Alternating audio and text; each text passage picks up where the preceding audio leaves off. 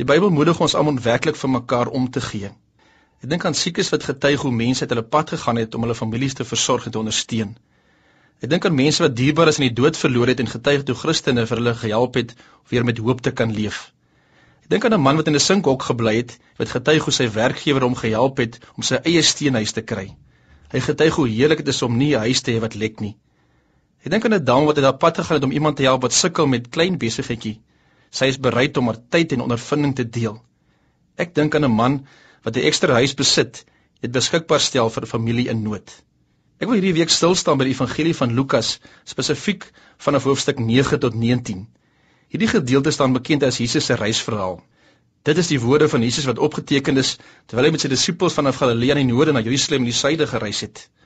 Ek glo ons kan baie by die woorde van Jesus Christus leer, veral ook by die gelykenisse of stories wat hy vertel het. Die bekendste gelykenis is seker die van die barmhartige Samaritaan wat in Lukas 10 beskryf word.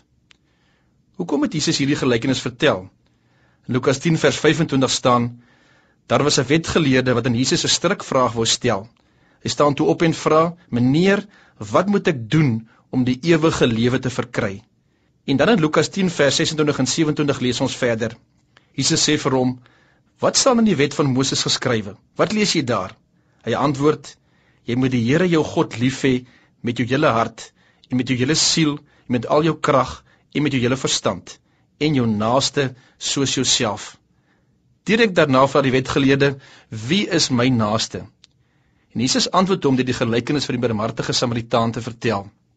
Die Bybel sê baie duidelik: As ek werklik vir God liefhet, sal ek my naaste lief hê.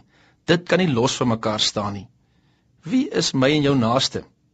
Lukas 10 sê baie duidelik elke persoon wat jou pad kruis. Jesus het nogal met sy voorbeeld teen die grense gedruk. Weet dat die Jode en die Samaritane nie baie van mekaar gehou het nie. Wie is die mense wat langs jou pad lê? Dalk jou ouers wat oud en sieklik is. Dalk jou buurman wat sy werk verloor het. Of dalk 'n werknemer wat ernstig in nood is. Dalk het jy hulle miskien misgekyk nie eens raak gesien nie. Lukas 10 vers 31 sê dit gebeur toe dat 'n priester met daardie pad langskom En toe hy hom sien, gaan hy ver langs verby. Die leviet het ook verbygestap. Die priester en leviet kon waarskynlik talle verskonings aanbied hoekom hulle nie bereid was om te help nie. Wie van hierdie 3 is volgens jou die naaste van hom wat onder die rowers verval het? Die wetgeleerde antwoord: Die man wat aan hom medelee bewys het. Toe sê Jesus vir hom: "Gaan maak jy ook so."